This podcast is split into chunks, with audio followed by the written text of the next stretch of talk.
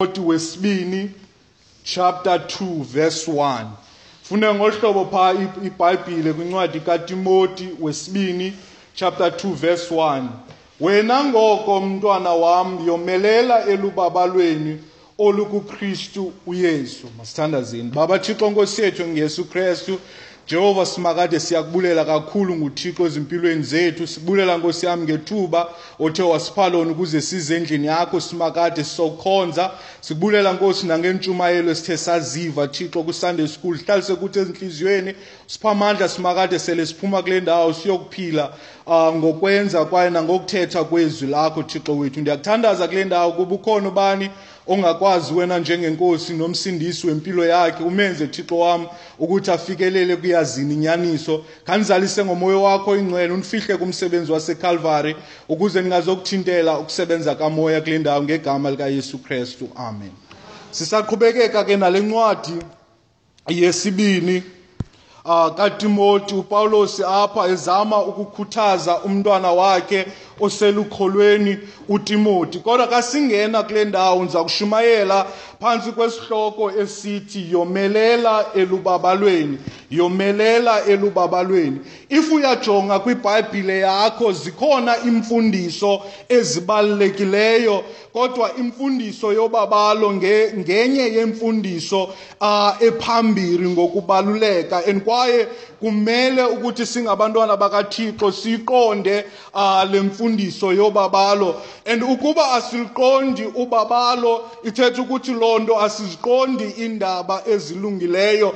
Kuba ubabalo lusembindini wazo indaba e- e- ezilungileyo. Kasithetha ngegospel kasithetha ngevangeli asikwazi ukuthetha ngezo zinto singathethanga ngobabalo lukaThixo ngoba ekusindisweni kwethu sasindiswa ngalo ubabalo. Uthi uPaulos kethetha kwibandla laseEfese kwincwadi Uh, kwincwadi yezenzo chapter 20 uthi andikhathalele nanye yezi zinto kanjalo nobomi bam obu andinqabe nabo ukuze ndilufeze uhambo lwam ngovuyo nolungiselelo endalamkelayo enkosini lokuqononondisa indaba ezilungileyo zobabalo lukaThixo. Amen. So ezi ndaba sishumayela ngazo zezobabalo lukaThixo. Yiyo loo nto kufuneke singabantwana bakaThixo siqonde uh, ukuba yintoni ubabalo lukaThixo. And kwaye asisindiswanga ngolubabalo uh, kwaphela uh, kuphela qha kufuneke sihlale sikhula nokukhula kulo. Ithi ibhayibhile phaa kwincwadi yesibini kapetrose chapter 3 verse 18 khulani ke elubabalweni nasekuyazini inkosi yethu umsindisi uyesu krestu kuye ma, malubekho uzuko nangoku kuse kwimini engunaphakade. Apha kule ndawo amakrestu ayayalelwa ekhuthazwa ukuba mawakhule elubabalweni lukathixo. And kwaye olu babalo luyasishukumisa ukuba simkhonze and kwaye simsebenzele uthixo wamazulu. Tyhila nampha kwincwadi uh, yokuqala yabasekorinte chapter 15 verse 10 ithi ke ngobabalo lukathixo ndiyinto endiyiyo. Nobabalo lwa nobabalo lwakhe kum alu alubanga nakulambatha ndesuka ndabagqitha bonke ngokubulaleka ingendim ke ilubabalo lukathixo olunam. Amen. So siyabona kule vesi ukuthi upawulos yonke into esimncoma ukuthi owayenzayo loo nto uthi kungenxa yobabalo lukathixo olwalukhona empilweni ya eh, empilweni yakhe. Kwaye uh, olu babalo liyasinceda ukuba uh, somelele ezilingweni ithi kayithetha kakuhle phaya uh, ivesi uh, ncwadi yesibini kwabasekorinte chapter yesibini chapter 12 verse 9 ithe ke yona ubabalo lwam lukwanele kuba amandla am azalisekiswa ekuswelekeni kwamandla ngoko kukhona sendiya kuqhayisa kamnandi kakhulu ngokuswela kwam amandla ukuze ahlale phezu kwam amandla kaKristu. Amen. So siyambona ukuthi uPaulos apha uthi xa yena amandla akhe ephela uthixo wamazulu uba ngamandla empilweni yakhe ngobabalo lwakhe. Kwaye siyaxelelwa ebhayibhileni ukuthi kumele size phambi kwetrone yobabalo ukuze sizofumana ubabalo lokunceda ngexesha lokudinga. And kwaye siyaxelela ukuthi olu babalo kufuneke sihlale kulo ngenye imini uh, uthixo wamazulu uza kuza ezimpilweni zethu. Kodwa inye into funeke sizimele ngayo lubabalo lukathixo olukhona e, e, ebomini bethu. Ngoko ke bhinqani ezinqeni zengqondo yenu ninobungcathu niluthemba ngokugqibeleleyo ubabalo oluziswa kuni ekutyhilekeni kukayesu krestu amen. So siyabona ukuthi uh, indaba yosindiso lwethu ihlala iphelela elubabalweni lukathixo. Akukho nanye into esiyenzileyo eyayifanelekile ekwakumele ukuthi uthixo ayamkele ezimpilweni zethu njengento ebenokuthi ngenxa yale nto ndiya kunisindisa kodwa ithi ibhayibhile ngenxa yobabalo niye nasindiswa amen bangcwele. So ukuba ubabalo lubaluleke ngolu hlobo uh, bangcwele uh, akumangalisi xa usathana uh, utshaba utshaba luyi-atheka le mfundiso yobabalo ngoba uyayazi ukuthi abantwana bakathixo ukuba baye bahamba ngaphandle kobabalo lukathixo bahamba ngaphandle koncedo lukathixo yiyo loo nto le ndaba yobabalo ehlala njalo uh, eyenza ukuba kube kwi-confusion xa kufika kuyo. And kwaye uh, iinkolo ezininzi zobuxoki sele zifundisa ngosindiso zithi kumele ukuthi senze imisebenzi ukuze sisindiswe. Amen. Yona ithi ibhayibhile nisindiswe ngalo ubabalo. Abanye kufune bathi kufuneke uxube ubabalo lukathixo uluxube kunye nemisebenzi. Kodwa siyayazi loo nto uh, ubabalo lukathixo lwanele ukuba sisindiswe ngalo. Ngoba ezi mfundiso kasizijonga kakuhle zinobungozi. Eyona nto ziyifundisayo xa umntu ezalusebenzela usindiso lwakhe uzathi jonga kum into endithe ndayenza and loo nto ikhokhelele ekuthini abantu bakathixo babe nerhatshi amen. Sisono eso uthixo asithiyileyo isono serhatshi amen bangcwele. So kumele siyazi singabantwana bakathixo um le ndaba yo yobabalo lukathixo yinto eyasisindisayo and kwaye ikwayinto esizawuqhubekeka ngayo ezimpilweni zethu. Amen. Esizawuqhubeke ngayo ezimpilweni zethu. And xa sijonga kakuhle indaba yobabalo. Abantu abathi funeke sisebenze endaweni yokuthi sithembele kubabalo lukathixo into abayenzayo bathi umnqamlezo umsebenzi uyesu krestu owenzayo uh, eCalvary awanelanga for usindiso. Ngamagama avakalayo wafane wafa uyesu krestu ukuba sinako ukuthi sisebenze sisindiswe. Kanti uyesu krestu zangafane wafa engafanga uyesu krestu namhlanje asisindiswanga. Amen. Engafanga uyesu krestu asisindiswanga.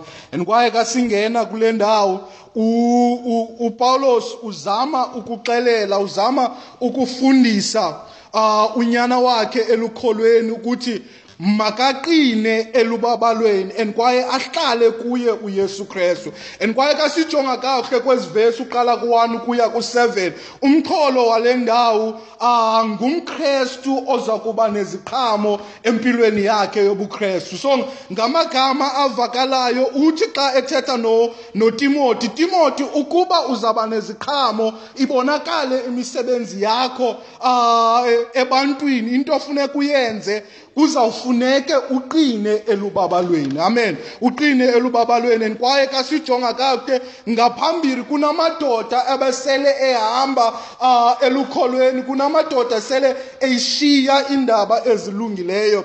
Kodwa uthi xa ethetha kakuhle apho funeke wena uqhubekeke. And kwaye amaxesha amathathu siyabona kule kwezi chapter kule chapter idlulileyo upawulos uyambongoza utimoti ukuba angabi nazo intloni ngazo indaba ezilungileyo ezilungileyo and kwaye ngabi nazo intloni nangopawulos umbanjwa weendaba ezilungileyo zikakristu. Zonke ezo zinto kwakumele ukuthi acinge ngazo ayazi ukuthi ezi zinto zenzeka kuba kushunyayelwa iindaba ezilungileyo. And xa enze njalo uzawukwazi ukuthi abe neziqhamo empilweni yakhe. Amen. And kwaye siyambona ukuthi upawulos wayengafuni utimoti wayenento yokuba nentloni empilweni yakhe engazisebenzisi isipho sikamoya empilweni yakhe ngendlela uthixo wayefuna ukuthi amsebenzise ngayo. Yiyo loo nto apha ekhuthazwa uh, utimoti ukuthi asebenzise isipho zakhe ukuze abe ngumkrestu onesiqhamo kuze abe ngumkrestu oneziqhamo. And kwaye ukuze bazalwane sibe ngabakrestu abaneziqhamo kasijonga apho kwesivesi uvesi 1 ukuya ku7 kumele kubekho umntu esiza kuba nguye. And kwaye loo mntu ngumntu owomeleleyo elubabalweni lukathixo. Olubabalweni lukathixo kwaye kunomsebenzi ofuneke siwenzile. Kakujonga kuvesi 2 ithi funeka ulithathe izwi likathixo unike izinto ozivileyo uzinike amanye amadoda athembekileyo azawukwazi ukuthi naye nawo afundise abanye abantu. And kwaye kuze sibe neziqhamo kuzawufuneka kubekho ixabiso esiza kulihlawula. Amen. And elo xabiso bubunzima. Amen. Uh, ekumkhonzeni kwethu uthixo wamazulu akuzoba lula kuzawuba khona ubunzima endleleni. Kodwa ithi ka idlula kakuhle phaa kuvesi 8 enze umzekelo ngoyesu krestu owafayo ithi kayithetha kakuhle wabuya wavuka. Ngamagama avakalayo ekubulalekeni kwethu umvuzo uzaba khona. So funeke singavumi bangcwele ukuthi um kube kuhle nje kufuneka ngamanye amaxesha sive kabuhlungu sele simkhonza uthixo wamazulu. Amen. If sisava kamnandi funeke siyazi uba asikamkhonzisisi uthixo wamazulu. Funeke kukhe kube buhlungu uh, ekumkhonzeni kwethu uthixo. So usebenzisa apha imizekelo emithathu ubonakalalisa uh, elixabiso azaluhlawula. Uthetha phaya uh, ngomphumi mkhosi lijoyini elo athethe ngembaleki athethe nangomlimi. Ezo zinto zizinto ezingakho lula ukuthi umntu azenze. So siyabona ukuthi abantu bazawuva ubunzima xa bemlandela uyesu krestu kodwa ekugqibeleni umvuzo wona uzaba khona. Amen. Funeke uqala ukhubulaleke namhlanje khandivumele ndizokushumayela phantsi kwesi sihloko yomelela elubaba uh, elubabalweni. Ukuze ube ngulomkrestu uvelisa iziqhamo kufuneka womelele elubabalweni lukathixo. Kasibuyela kule vesi upawulos usebenzisa igama elithi wena and eligama lithi wena kule vesi uh, sisigxininiso upawulos asinika utimoti ukuthi wena timoti uze ungafani naba bantu bandishiyayo ungafani naba bantu baseasiya aba bandinikela umva kodwa wena khawuqhubekeke nendaba ezilungileyo. Ushumayela uyesu krestu osindisayo. And kwaye kwaba bantu bamkayo kwivangeli ngela xesha baye balulahla nokholo lwabo bakhonza zinto zimbi ingenguye uthixo wamazulu. So apho wayemyalela ukuthi wena qhubekeka uzowufumana umvuzo emveni kokuba uqhubekile wazimela indaba ezilungileyo. Yima uqiniseke ungakhathali ukuba abanye abantu bacinga ntoni ungakhathali ukunye abanye abantu bathetha ntoni. And kwaye ngamanye amaxesha ungakhathaleli nangendlela ova ngayo uqhubekeke umphilela uthixo wamazulu. Amen. And kwaye apha igama lesibini esifumanayo? Ithi wena ngoko eli liyanxibelalanisa kwiivesi ezingasentla kwimizekelo upawulos ebeyinikile ngaphambili. Uthi ngoku wena kufuneke ushumayele iindaba ezilungileyo zobomi ube sisigidimi sendaba ezilungileyo. Nokuba kwenzeka ntoni ungafani nala madoda angaphambili. Besenze umzekelo kwiiveki ezadlulayo ngo-onesforo owamnikela umva onesforo yena owahambayo waya kupawulos eh, eh, eh, eyokumhlaziya empilweni yakhe. And kwaye nathi kumele kube njalo kube nokunyamezela empilweni zethu. Uthi xa ethetha kakuhle omnye umbhali bathi amakrestu ephuma eroma yena waya eroma. Njengoba abantu besoyika yena wahamba kuba efuna ukuhamba uyokukhonza uh, umkhonzi kathixo upawulos and kwaye apha uthi xa ethetha kakuhle embongoza uTimothy uPaulos uthi mntwana wami. Amen. And le nto ithi mntwana wami ifana nento ethi nyana wami. Ngamagama avakalayo apha upawulos okokuqala into wayethetha ngale nto ethi mntwana wami ukuthi wena timoti usindisiwe ngenxa yokuba ndashumayela iindaba ezilungileyo. Kasithetha ngokwenyama.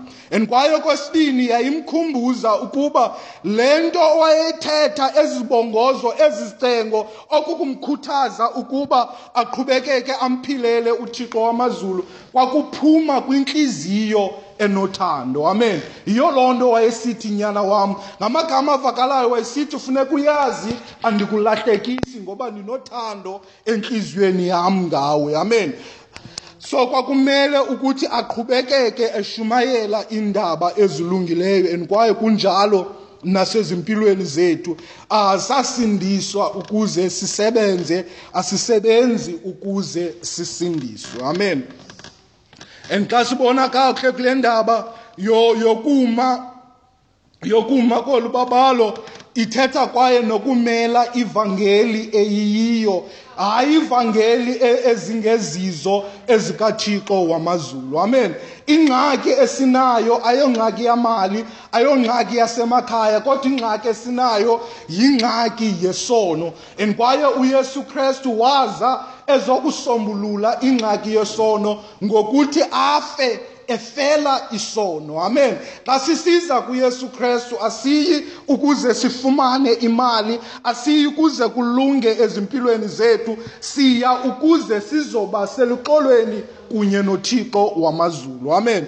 Uthi ke thetha kakuhle upawulos ngebandla ngabantu basegalati uh, into eyenzekayo emveni kokuba eshumayele ivangeli uthi ngenxa ke yabazalwane ababobuxoki abangeniswayo bucala bona bangena ngokunyebeleza besizisa besiza kuhlola inkululeko yethu esinayo kuKristu Yesu ukuze basithobele ebukhobokeni esathi abo asabavumela ngolulamo nakwexa elinye ukuze inyaniso yendaba ezilungileyo ihlale ihleli kuni. Amen.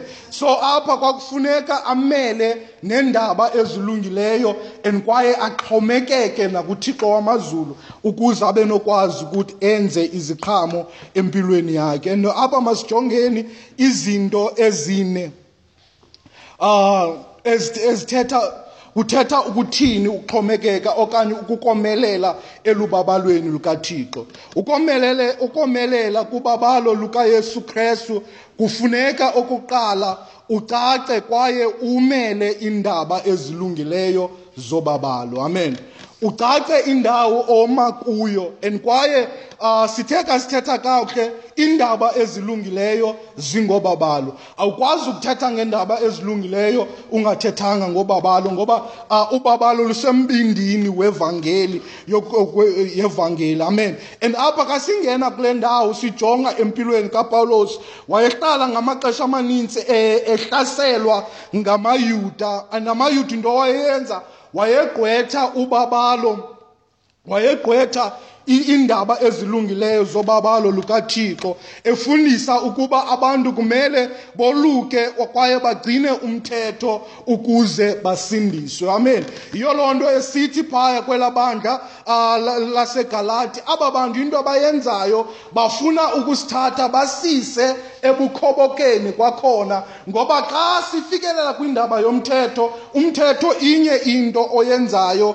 ezimpilweni zethu senza sibe ngamakho akhoboka amen. Uthi xa ethetha kakuhle zonke ezi zinto aba bantu bazawuza bazishumayele ingezizo indaba ezilungileyo zobabalo ze nizisengele phantsi amen. Ningazivumeli nokuzivumela. Kungabikho nanye indoda uthi athi ethetha kakuhle nokuba sisithunywa esingazoshumayela indaba ezilungileyo ngendlela esiyazi ngalo. Umuntu onjalo makaqalekiswe and kwaye asengelwe phansi. So bangcwele uh, ekomeleleni kwethu kumele sishumayele uyesu osindisayo. Uh, uyesu owamkelwayo ngalo uh, ukholo nangobabalo hayi uyesu osebenzelwayo ukuze afunyanwe. Amen. Khona nomhlabelelo ithi izulu liyasetyenzelwa amen. Uh, mhlawumbi i-context khonza ne. Uh, usetyenzelwa nini phambi kokuba umamkele uyesu krestu okanye emveni kokuba umamkele uyesu krestu sizayamkela ithi emveni kokuba umamkele uyesu krestu so kumele singabantwana bakathixo sizimele indaba ezilungileyo sifundise uh, ngoyesu krestu osindisayo. Ivangeli eyiyo leyo ithi uyesu krestu waza ezokufela ityala lesono sabantu. Hayi ivangeli ethi uh, abantu abaninzi mandiyibeke ngohlobo abantu abaninzi abasindisiweyo namhlanje ngalaa mini yosindiso lwabo xa bekunika ubungqina buza ubungqina babo buzowuma ngeli hlobo uzathi uh, ndandisokola ndaya kuyesu. Uh, umtshato wam engalunganga ndaya kuyesu. Abantu bazaba nemali bangalingeni izulu. Imitshato yabo ibe rayithi bangalingeni izulu. Amen. So into ebalulekileyo kukuba seluxolweni nothixo elungile umtshato wakho engalunganga. Ze athi xa efika uyesu krestu ungabi nakubekwa bala ube nokwazi ukungena ekhaya ezulwini. Amen. Yile vangeli lena upawulos wayesithi utimoti makomelele kuyo. Amen. Makomelele kuyo. And kasichaza kakuhle eligama ubabalo luthando lukathixo uh, kukuthandwa nguthixo esingakufanelanga. Uthixo wamazulu kwakungamelanga ukuthi a-extend uthando lwakhe ngendlela awenza ngayo. Kwakungamelanga ukuthi athumele unyana wakhe azokufa ngenxa yetyala lesono sethu. Kodwa uthixo wasithanda wamthumela unyana wakhe ukuze abe lidini abe sisicamagushelo ngenxa yezono zethu. Abe sisingqengqezo esimayo phakathi komntu nothixo esithi lo umntu ngenxa yegazi lam mxolele umamkele ezulwini lakho. Amen. Abantu abazawulandula usindiso namhlanje abantu sathi kasivalayo umuntu ofuna ukumamkela uyesu krestu bathi abantu ah inkosi njalo njalo. But funeke siyazi uthixo unyana wakhe wamyeka ukuthi afe ngenxa yesono. How much more kuwe? Uzawufa ngenxa yesono sakho. But sinayo indlela ngokuthi sikholwe kuye uyesu krestu kumele somelele elubabalweni lukathixo simelele elubabalweni lukathixo. Kwaye ukomelela kubabalo lukathixo um uthetha ukuthi akufuneki sithembele emandleni ethu. Amen. Akumelanga ukuthi sithembele emandleni ethu. Indaba yobukrestu ayondaba yotraya yindaba yokuthembela amen. Uthi hayi ndizawuzama. A-a. Yindaba yokuthi ndithembele kuthixo. Ndiyayazi lena yintaba inzima lo umsebenzi unzima empilweni yami kodwa ndithembe uthixo wamazulu. And kwaye umzekelo esiwufumanayo wale ndaba yokuthembela kuthixo wamazulu ngempilo yakho oopawulos bathi ke bethetha kakuhle babandezeleka in so much that ubomi babo babuncama banikela kulowo unako ukuthi abafundi unako ukuvusa abafileyo. Amen. Kumele kube njalo ezimpilweni zethu. Sithi ngokunokwethu asinawo amandla and enyanisweni asinawo amandla ayikho nanye into encomekayo soyenza singabantwana bakathixo singathembelanga kuthixo wamazulu. And kwaye upawulos le nto waye wayifunda um ngendlela enzima empilweni yakhe. Kwafuneka ukuthi kubekho uviko enyameni, enyameni yakhe. Uthe wakufumana uviko enyameni wakhe waqonda ukuthi xa yena amandla akhe esifa xa amandla akhe ephela uthixo uba ngamandla empilweni yakhe. Amen. Namhlanje izinto ziye zibe nzima phezu kobomi bethu kungenxa yokuba asimthembi uthixo ukuthi asithwalele ukuthi abe ngamandla obomi bethu. Kunobabalo uthixo asinika lona kwaye olubabalo funeke siphile siluthembe ezimpilweni zethu. So ukomelela kuKristu kuthetha ukuthi asizoyithemba nanye into asizowuthemba amandla ethu asizowuthemba uh, ubuchule bethu kodwa sizawuthemba icebo likaThixo. Amen. Sithemba icebo likaThixo hayi lethu icebo. Mhlawumbi sinazo izinto esicingayo ukuthi ezi zizinto ezibubuchule eziza kwenza izinto zenzeke kodwa funeka izinto ezinjalo sizibeke ecaleni sithembele kuthixo wamazulu. And kwaye komelela uh kubabalo olukukristu yesu kuzawufuneka ukuthi sihlale kuye uthixo. Amen. Sihlale kuye uthixo asithetha ngokuhlala kuthixo uhlale ezwini lakhe uhlale ebulumkweni bakhe uhlale ezindleleni zakhe ungahambi nakanye ngendlela zakho. Tyhila nam phaya kwincwadi incwadi kayohane chapter 15 incwadi kayohane chapter 15 apha siyafundiswa uyesu kristu uyafundisa ukuthi ungumdiliya. Wonke umuntu ohleli kuye uzaba nako ukuthi athwale iziqhamo. Umdiliya ndim nina ningamasebe lowo ohleli kum ndibe mna ndihleli kuye yena uthwala isiqhamo esininzi ngokuba ningekum ani aninakwenza nto. Amen. Ningekum aninakwenza nto. Phaya icacile ukuthi singabantwana bakathixo uh, kumele sixhomekeke kuthixo wamazulu.